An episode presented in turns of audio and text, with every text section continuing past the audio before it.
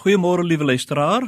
Ek wil graag in hierdie week tydens die vroegoggend oordeenkings met u vanuit die inleiding van die gedeelte in Johannes 13 waar Jesus die voete van sy disippels was 'n paar gedagtes met u wissel. Daarom hou ek aan u die eerste vers voor naamlik en voor die fees van die Pasga het Jesus omdat hy wus dat sy uur gekom het dat hy sou oorgaan na die Vader En omdat hy sy eie mense in die wêreld liefgehad het, hulle liefgehad het tot die einde toe. Hierdie is 'n aangrypende vertelling deur Johannes die disipel, die een wat Jesus baie liefgehad het, op wie se bors hy sy hoof by geleenthede neergelê het, die een wat later nakend sou weglig van die tempelwagte wat Jesus kom arresteer het toe hy deur 'n soen van Judas verraai sou word.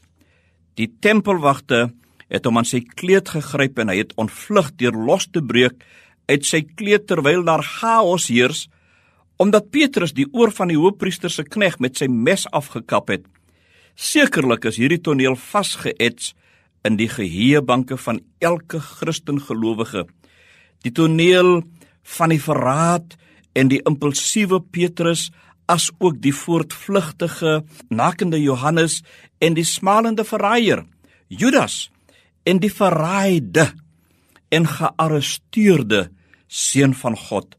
Jesus het geweet dat dit sy uur was, die uur dat die seun van die mens, die seun van God verraai sou word en bitterlik sou ly vir u en my sondes vir die sondes van die wêreld.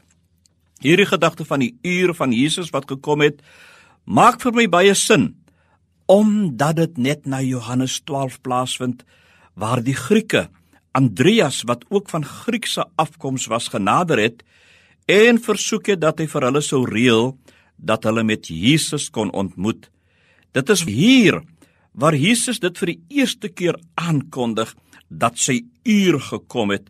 Voorheen het hy op verskeie geleenthede onder andere die bruilof te Kana gesê dat dit nog nie die uur is dat die seun van die mens verheerlik sou word nie dat hy vir Maria sou sê vrou wat het ek met u te doen? Dit is nog nie my uur van verheerliking nie.